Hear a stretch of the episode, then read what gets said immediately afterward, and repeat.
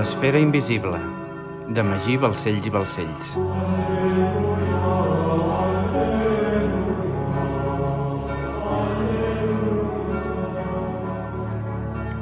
Capítol 32. Epíleg. Set anys després, dilluns, 18 de març de 1314, París, Regne de França. El Suprem, després del desafortunat final de Guillem i Maria, i després d'haver complert amb la seva missió, havia marxat a França i havia estat els últims anys a París per presenciar els últims dies d'existència pública de l'Orde del Temple. Com a màxima autoritat clandestina de la germandat, havia de coordinar els moviments a dur a terme i per garantir que la veritat no es perdés en la nit dels temps, estava escrivint un llibre que contenia tota la filosofia templera oculta entre les seves línies, només intel·ligible per a les ments preparades. Després que el rei de França declarés la guerra al temple, de llargs dies a la presó i de moltes tortures, alguns templers van confessar ser heretges, moment en el qual Felip IV i el papa van obtenir la legitimació que necessitaven per acabar amb l'ordre sense cap impediment. Amb les confessions de culpabilitat, Climent va promulgar la butlla Pastoralis Preeminents de forma simultània a totes les esglésies de la cristiandat, una butlla que decretava la detenció dels templers en tots els territoris cristians. A més a més, el papa va emetre una instrucció condemnant a la foguera a tots aquells que haguessin confessat la culpa. Així, el 12 de maig de 1310 va començar la purga a París, deixant en últim lloc el gran mestre perquè pogués observar com l'ordre desapareixia. Per garantir un procés just, Climent i el rei van convocar el concili de Vienne, amb l'única intenció que el dret canònic donés cobertura legal i espiritual a les seves voluntats, acabar amb l'ordre del temple. Del concili en va néixer la butlla Vox in excelso. Després d'això, tots els regnes cristians, d'un en un, van començar a perseguir el temple en llurs regnes. La legitimitat papal els autoritzava i les ànsies per apropiar-se de les seves riqueses els animava. Els béns del temple van passar a engreixar les propietats dels regnes cristians, a l'ordre dels cavallers hospitalers i a ordes militars de nova creació com l'orde de Montesa a València o altres ja existents. Van ser molts els cavallers i nobles que van buscar els tresors del temple per Europa – però sempre amb resultat negatiu. Mai ningú va trobar un tresor de valor significatiu. Tota la cúpula del temple havia estat condemnada a la foguera feia temps i només el gran mestre restava en vida, a qui s'havia reservat el dia 18 de març de 1314 per cremar-lo davant del poble. Davant la catedral de Notre-Dame s'havia instal·lat una gran pira a l'efecte i just davant una gran llotja règia perquè el papa i el rei poguessin veure la venjança amb els seus propis ulls. De sobte, la turba va començar a cridar, a xiular i a insultar, mentre els guàrdies reials obrien un passadís entre el populatxo. Sostingut entre dos guàrdies, Jacques de Molay avançava amb dificultats, molt prim i demacrat. Havia perdut molts cabells, tenia la pell resseca, un aspecte molt pàl·lid i els ulls enfonsats i inflats. Se li veien tots els ossos i articulacions sobresortint, en especial els pòmuls, i tenia l'aspecte d'un esquelet recobert d'una dèbil capa de pell. Tenia un munyó a la mà dreta, li faltava l'orella esquerra i tenia l'orella dreta totalment deformada. Li costava caminar i fins i tot aguantar el cap en alt. Mostrava un estat de fragilitat penós que feia pena de contemplar. Semblava que ja estigués mort. La gent el cridava al seu pas, l'escopien i li tiraven objectes. Els homes es movien uns contra els altres per intentar veure'l i quan ho aconseguien, proferien un crit d'odi contra el vell. Alguns resaven per la seva ànima, altres miraven d'observar-lo sense dir res, però la immensa majoria s'abalançava per tirar-li pedres, peix podrit fem o el que tinguessin a l'abast.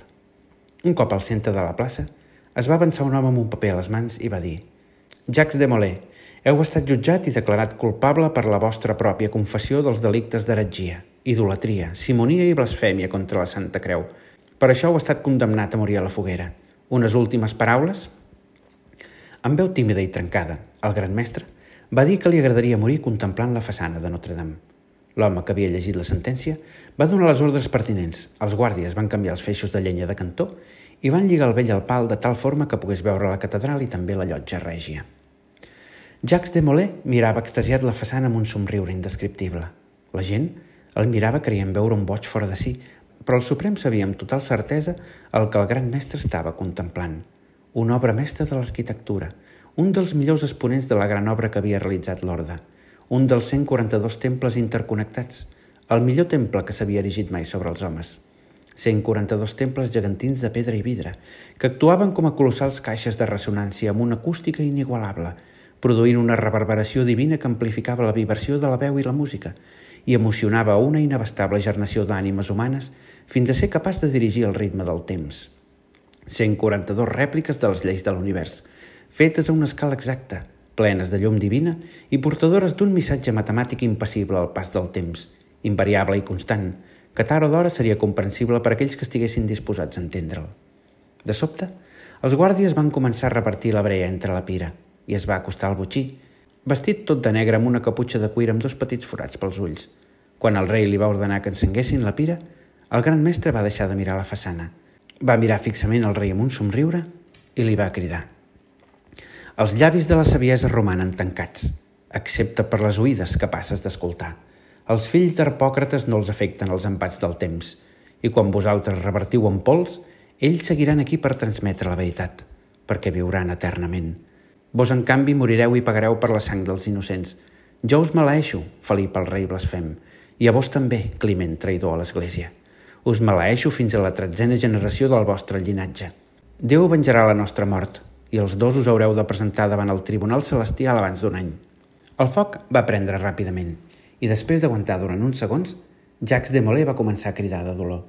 Just en aquell moment, el murmuri de la gent va deixar pas a un silenci sepulcral, alhora que molts d'ells es posaven les mans instintivament davant la boca per intentar dominar aquell sentiment repulsiu d'angúnia. Era esfereïdor. De sobte, el Suprem va sentir que alguna cosa el mullava es va girar darrere seu i va veure un nen mort de por sobre un carro que li havia vomitat a sobre. El Suprem el va agafar i el va estrènyer contra ell per evitar que seguís veient aquella atrocitat. No miris, tranquil, amb mi estàs segur, li va dir el Suprem tot abraçant-lo. Jacques de Molay cridava insufriblement. Sentia que la calor era cada cop més intensa i insuportable. De sobte, va sentir com els pèls de les cames i els braços se li cremaven i una forta olor de sucarrat es va fer present. Podia sentir com la pell de les seves cames es contraia i es trencava, i com la calor li cremava la gola i les vies respiratòries fins al punt d'impedir-li cridar. De sobte, va sentir que li començaven a xiular les orelles i que li fallava l'equilibri. Amb un últim esforç, just quan exhalava l'últim alè, va generar el seu últim pensament. Un poderós desig que va projectar amb totes les seves forces, convençut que s'acabaria complint. Finalment, la vista es va enfosquir i va perdre els sentits. El rei va veure com el vell inclinava el cap i deixava caure tot el seu cos er de vida sobre la pira. Es va girar cap al papa Climent, li va somriure i el papa li va picar l'ullet sense cap pudor. El Suprem, tot observant-los, va pensar que l'Església s'havia despullat davant el gegant de França, com una autèntica meuca, per oferir-li impúdicament els seus serveis. L'Església havia prostituït per complet el seu missatge per posar-se a mercè del rei de França.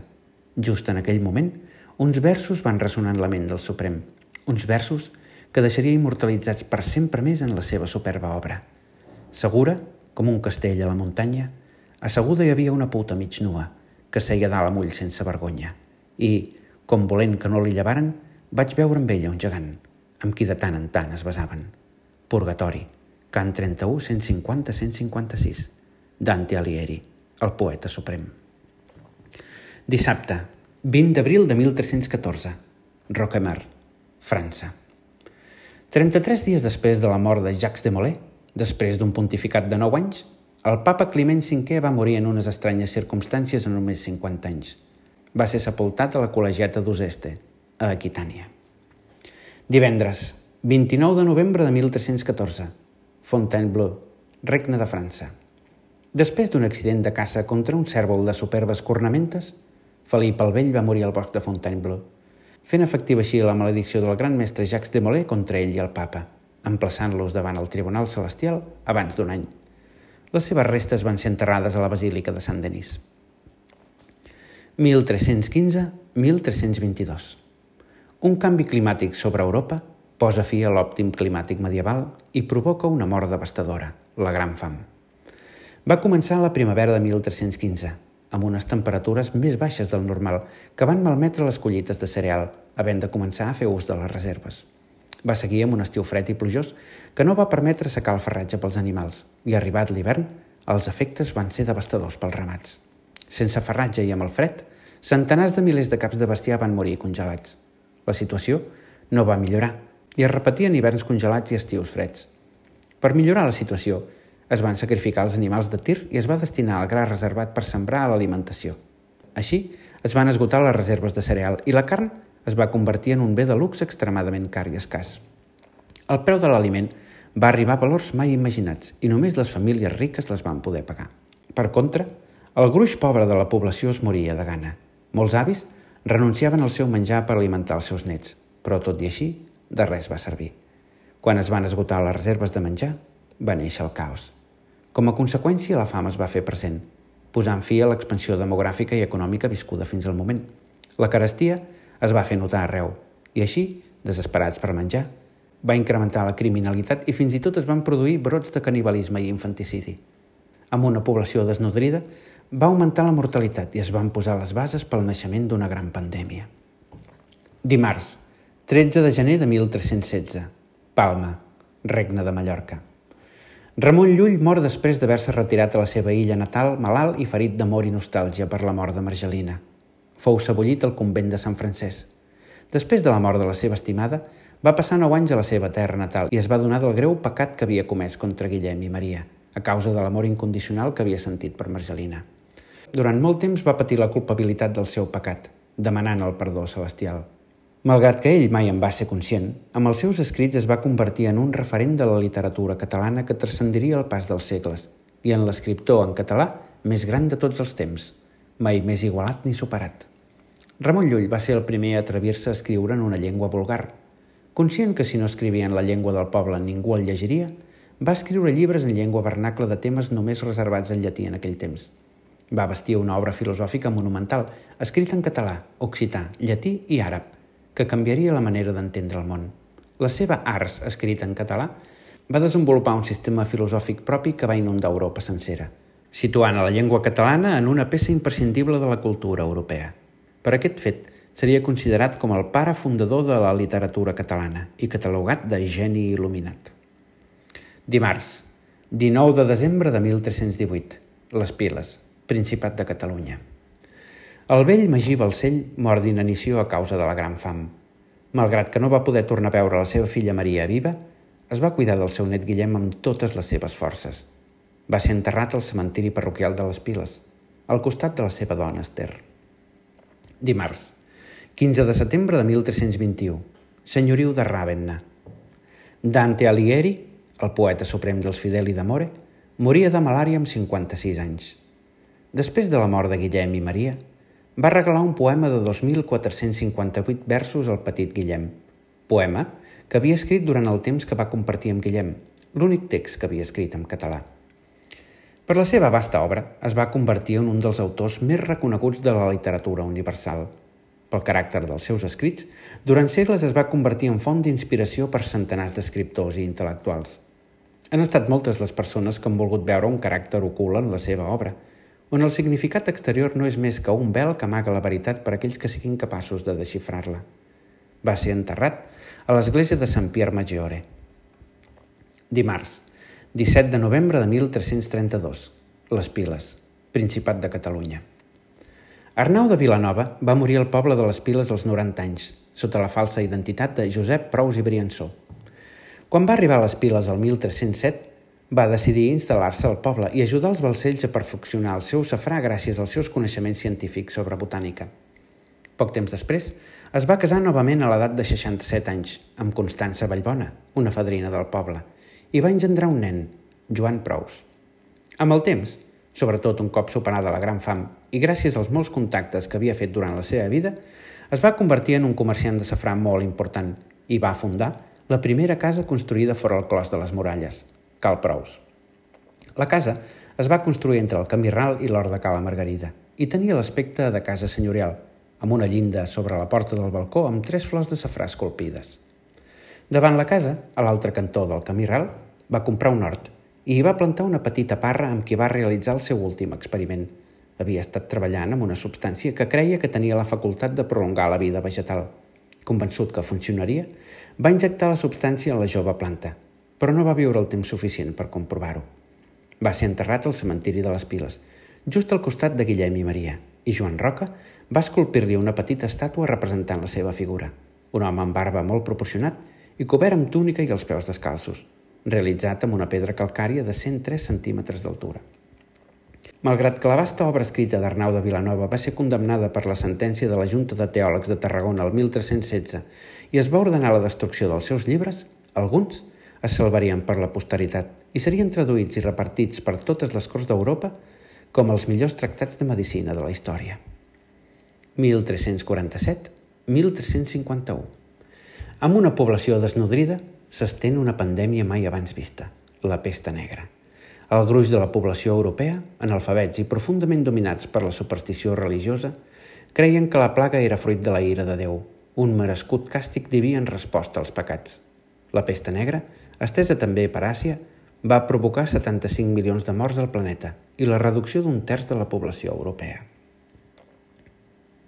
Dimarts, 16 de juny de 1349, Les Piles, Principat de Catalunya.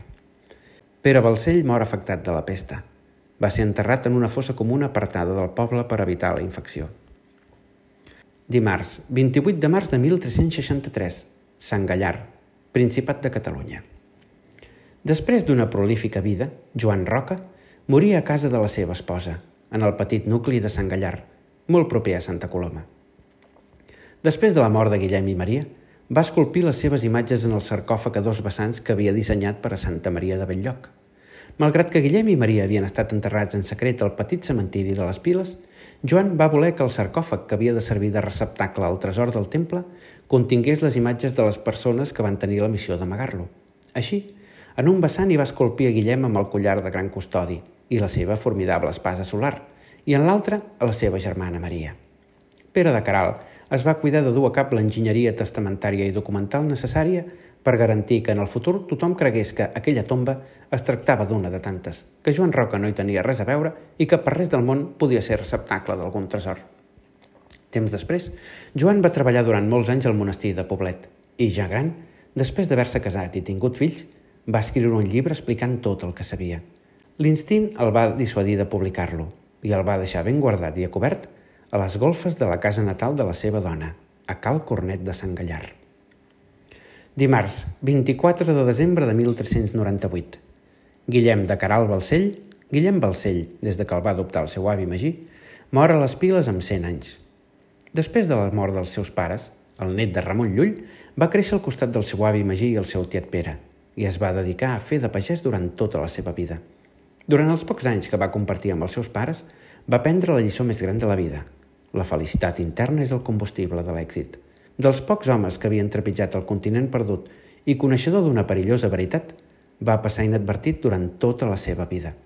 No obstant això, la seva formidable història i la vida dels seus pares va passar com a llegenda oral explicada als seus fills i nets a la calor de la llar de foc de Cala Viuda – generació rere generació. Dilluns, 21 de gener de 1793, París, República de França. De bon matí, i un cop rebuda la comunió, Lluís August de Borbó, rei de França i de Navarra, anomenat Lluís Capet pels revolucionaris en tractar-se d'un descendent de tretzena generació de Felip IV, va abandonar la torre del temple on havia estat empresonat durant un temps. Caminava per la capital francesa encadenat i custodiat pels revolucionaris en direcció a la llavors anomenada plaça de la Revolució, enfront de la catedral de Notre-Dame. Coneixia perfectament el destí que li esperava i estava mort de por. La seva monarquia absoluta havia deixat a 28 milions de persones en la més completa misèria i una revolució havia assolat França el 1789, empesa en bona part per la lliure circulació d'unes noves idees que havien calat en la societat. El poble culpava la monarquia, el clergat i l'aristocràcia de tots els seus mals, i per primera vegada a la història, un grup d'intel·lectuals que s'anomenaven els il·lustrats els donava la raó. Les opinions de Montesquieu, Rousseau i Voltaire, tots ells membres d'una germandat que tenia com a símbol una escaire acoblant-se amb un compàs i la lletra G just al centre, es van estendre amb gran èxit entre les diferents capes de la societat i van empènyer els francesos a la revolta, engrescats, a més a més, per la victòria de la Revolució Americana. Després de segles de dominació absoluta, el poble francès va sortir al carrer enfollit i va prendre el poder. Els principals edificis del regne van ser presos, la monarquia empresonada i les tombes reials de Sant-Denis profanades. Així, es va produir la conquesta del poder per part de la burgesia en contra de l'aristocràcia i el clergat. proclamant la sobirania nacional, la divisió de poders, el dret de sufragi i la promulgació de la Declaració dels Drets de l'Home i del Ciutadà. Naixia la República de la Llibertat, la Igualtat i la Fraternitat. Després d'uns anys empresonats, quan la filada guillotina va caure a pes sobre el clatell del monarca, el cap del capet va rodolar pel terra ensagnant el sol. I llavors, aprofitant el silenci provocat per la morbositat de veure morir la monarquia francesa just al mateix lloc on s'havia cremat Jacques de Molay, algú va cridar «El temple s'ha venjat». Dimarts, 28 de juliol de 1835, Santa Coloma de Caral, província de Tarragona, Reino d'Espanya. Arran de la mort de Ferran VII d'Espanya el 1833, va néixer un enfrontament entre els partidaris de l'absolutisme, dits carlins, i els partidaris de trencar definitivament amb l'antic règim, els liberals. El 19 de juliol de 1835, un grup de liberals de la milícia urbana van ser assassinats a les afores de la ciutat de Reus a mans de diversos religiosos carlins i a partir d'aquí es va desfermar la guerra i la violència. Els liberals van sortir en massa als carrers per cremar esglésies i convents en represàlia pel suport dels religiosos als carlins. A Barcelona la crema va ser absolutament desmesurada, estenent-se com una taca d'oli per les principals viles i ciutats de l'antic Principat. A Santa Coloma de Caral, un grup de liberals acompanyats de dones i nens, animats pels fets que s'estaven produint al país, es van dirigir cap al convent de Santa Maria de Belllloc disposats a fer justícia a la seva vila. Els pocs mercedaris que quedaven al convent van ser assassinats i els liberals es van dirigir convençuts a profanar les tombes dels Caral, responsables en bona part de la dominació que els colomins havien patit durant segles. Uns deu homes es van dirigir cap a un sepulcre col·locat al centre de la capella lateral esquerra. Un nen que els acompanyava, un tal Guillem Carreras, mirava encuriosit la formosa tomba. Hi havia representacions de cavallers amb escuts al revés i tapant el sarcòfag una tapa a dos vessants amb dues figures jacents, un cavaller i una dona. El cavaller portava una espasa amb un sol a l'empunyadura i un estrany collaret en forma de creu.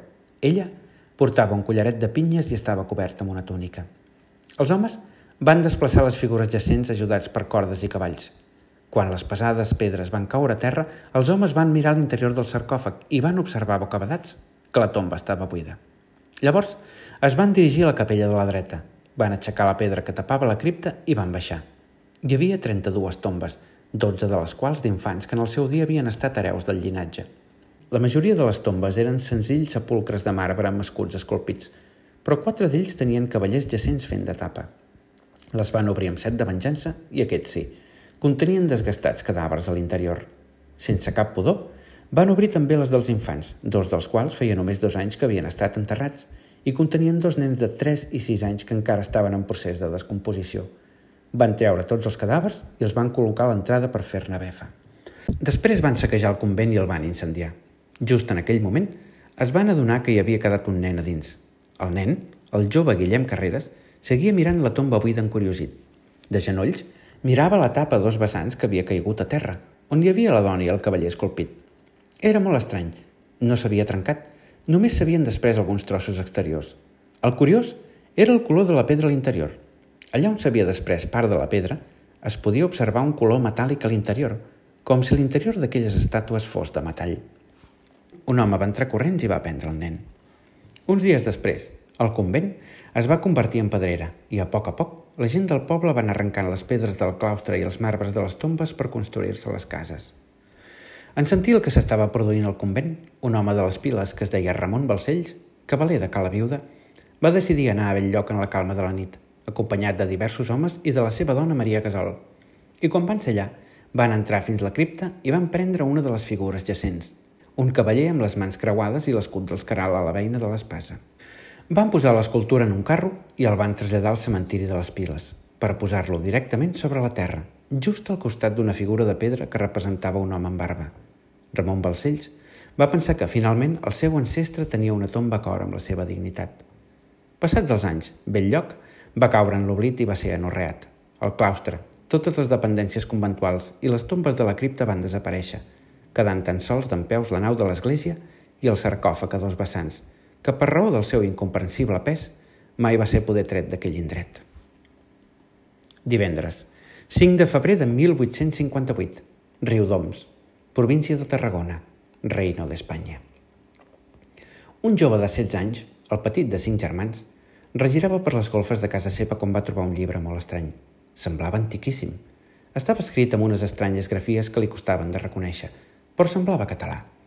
El noi tenia un problema reumàtic que li impedia fer vida normal i molts dies no podia anar a classe ni sortir a jugar amb els seus amics.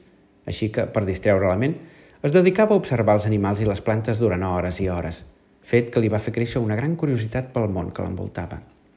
Fruit d'aquesta curiositat, havia trobat l'estrany llibre a les golfes i li va preguntar a la seva mare què era allò. La seva mare li va explicar que era un llibre molt vell que el seu avi havia portat de la seva casa natal de Cal Cornet de Sant Gallar. Empès per les seves ànsies de saber, aquell noiet va ocupar el seu temps a partir de llavors a transcriure el missatge d'aquell llibre. Un missatge que ressonaria tant a dins seu que es convertiria en la seva vocació i gran passió. Els conceptes d'arquitectura que va aprendre amb aquell llibre el van trastornar fins al punt de creure que la seva vida tenia una missió transcendental i que la troballa d'aquell llibre no havia estat una casualitat, ja que el vell llibre afirmava que les idees poderoses tenen vida pròpia i busquen materialitzar-se a tota costa. Es presenten en les ments de la gent idònia i busquen les circumstàncies adequades per esdevenir reals en el món físic. Empès per la seva intuïció, el noi va marxar a estudiar arquitectura a Barcelona i, amb el temps, es va convertir en un important personatge de la ciutat. El seu talent innat es va engrandir amb la informació d'aquell llibre, els seus estudis i les seves experiències vitals, i va ser contractat per alçar palaus episcopals, cases per a burgesos barcelonins, parcs, col·legis, jardins, cooperatives, criptes i cellers. Però, d'entre totes les seves obres, cal destacar-ne la que, segons ell, millor resumiria el seu gran somni, un somni que havia nascut amb només 16 anys llegint aquell llibre vell, la construcció d'un temple que seria un himne de lluança a Déu, en la qual cada pedra en seria una estrofa.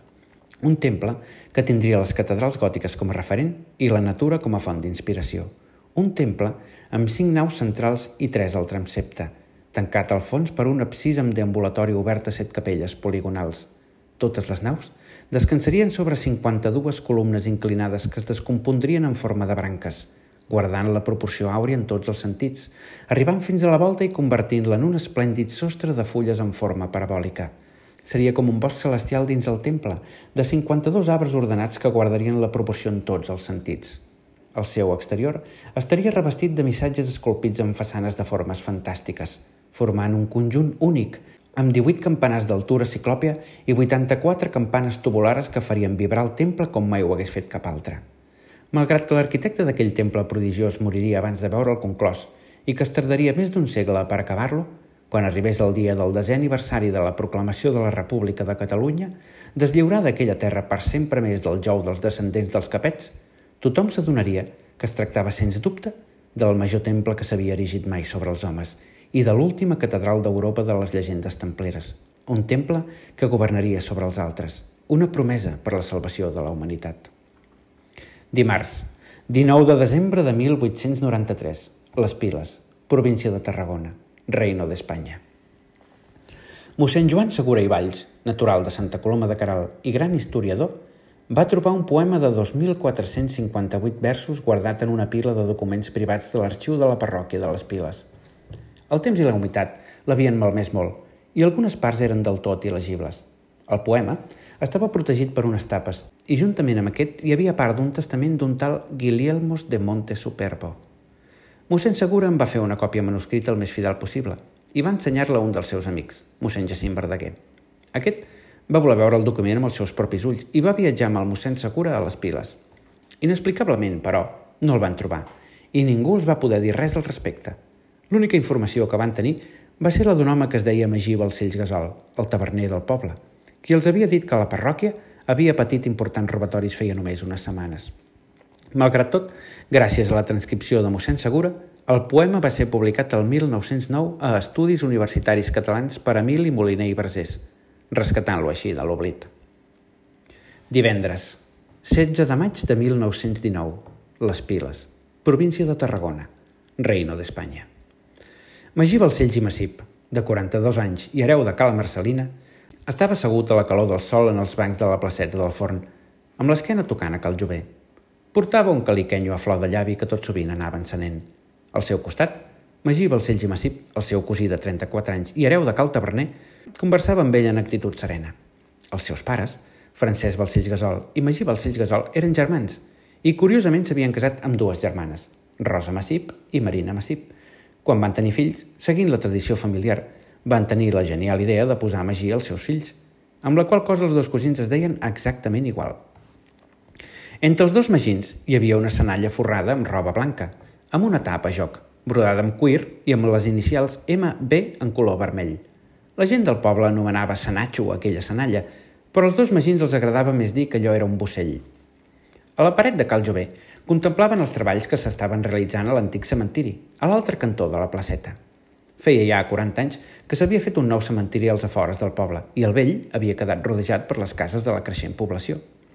El Centro Agrícola Català pretenia aixecar un edifici sobre l'antic cementiri i diverses persones del poble havien demanat a l'arcabisbat de Tarragona que cedís el cementiri per fer la construcció. L'arcabisbat havia respost afirmativament, però posant com a condició que s'exhumessin totes les restes enterrades i es traslladessin al nou cementiri. A més a més, l'arcabisbat s'emportaria algunes làpides funeràries al naixent Museu Històric Diocesà de Tarragona. Els dos cosins miraven amatents a una part del cementiri on hi havia dues escultures, una d'un home amb barba i l'altra d'un cavaller jacent. Les dues pedres esculpides estaven sobre la terra costat per costat i, segons els havia dit mossèn Josep Maria Sabater, serien traslladades a Tarragona. Uns homes enviats per l'Església eren els encarregats d'exhumar les restes per traslladar-les a una fossa comuna del nou cementiri. Totes les restes serien agrupades i enterrades en un gran forat, a excepció d'algunes a petició pròpia de don Ramon Prous Vallbona, l'home més ric del poble i pertanyent a una família de safraners amb més de sis segles d'història. Els Prous tenien més terres que ningú. Eren els propietaris dels dos molins del poble, del vell castell i de Cal Prous, la casa més vella i gran, amb una parra gegantina i antiquíssima que travessava el carrer. Feia molt temps que ja no es cultivava el safrà a la Baixa Sagarra, però els prous, aprofitant uns contactes centenaris, compraven safrà, sobretot a Castella-la Manxa, i el venien després arreu del món. El senyor Prous havia erigit una petita capella al nou cementiri amb lloc per a sis sepultures i tenia la intenció de dipositar les restes de tres persones de l'antic cementiri en la seva capella familiar. L'arcabisbat, després d'una important donació, havia beneït la capella i havia autoritzat enterrar-hi totes les restes que volgués. Els operaris havien tret les escultures de l'home brapat i del cavaller jacent i les havien posat sobre un carro al carrer Major. Després d'això, havien començat a excavar i havien trobat un esquelet just a sota on hi havia l'escultura de l'home amb barba i dos més sota el cavaller jacent. Aquests últims semblava que estiguessin agafats de la mà, però, a més a més, havien trobat una espasa amb un sol a l'empunyadura sobre l'esquelet més alt. Amb molta cura, van posar els tres esquelets dins uns taüts de fusta noble.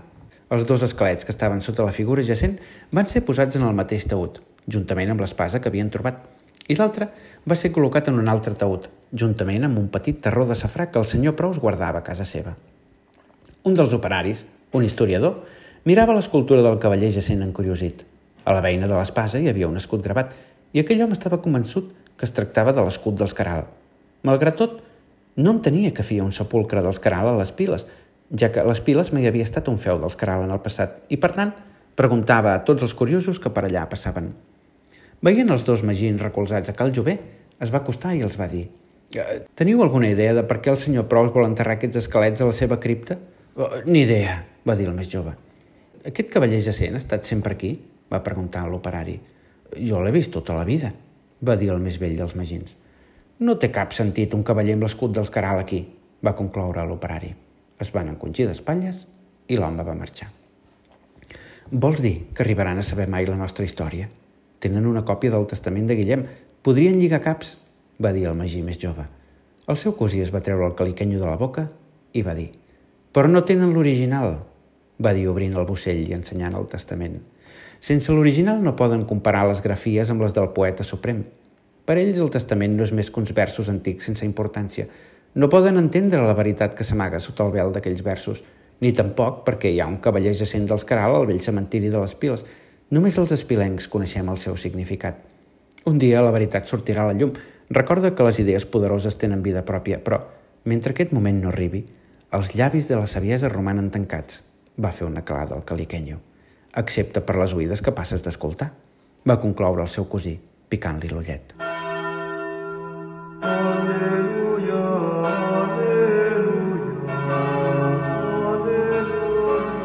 Les idees poderoses tenen vida pròpia. i busquen materialitzar-se a tota costa.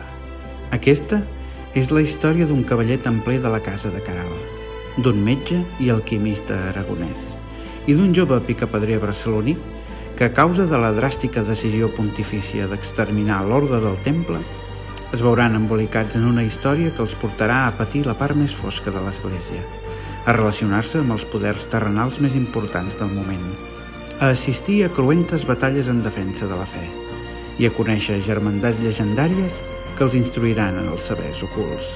Secrets amagats en la geometria de les catedrals i en les obres d'art aparentment més inofensives. Tot amb un únic objectiu, salvar el tresor dels templers per construir el major temple que s'hagi erigit mai sobre els homes. Un tresor templer basat en un coneixement tan antic com el mateix naixement de les civilitzacions. Un coneixement que hauran de deixar escrit en la pedra per la posteritat i que només serà comprensible per aquells que dominin el llenguatge del símbol templer. Aquesta és la història de la conspiració de l'Església de la Ciutat Eterna pel govern del temps. Una lluita de passions que desvetlla els secrets que amaguen les pedres que revela l'autèntic objectiu de les catedrals gòtiques i que explica el perquè de l'existència a través de 21 símbols que sempre retornen a l'origen, una vegada i una altra, com un pèndol etern, conformant així una immensa esfera invisible pels nostres sentits, però tan real com la vida mateixa.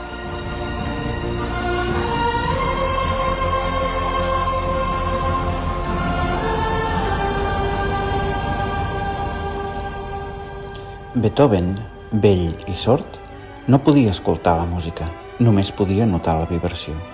En la seva última composició, només percebent la vibració, va decidir aplicar la proporció àurea en la seva música.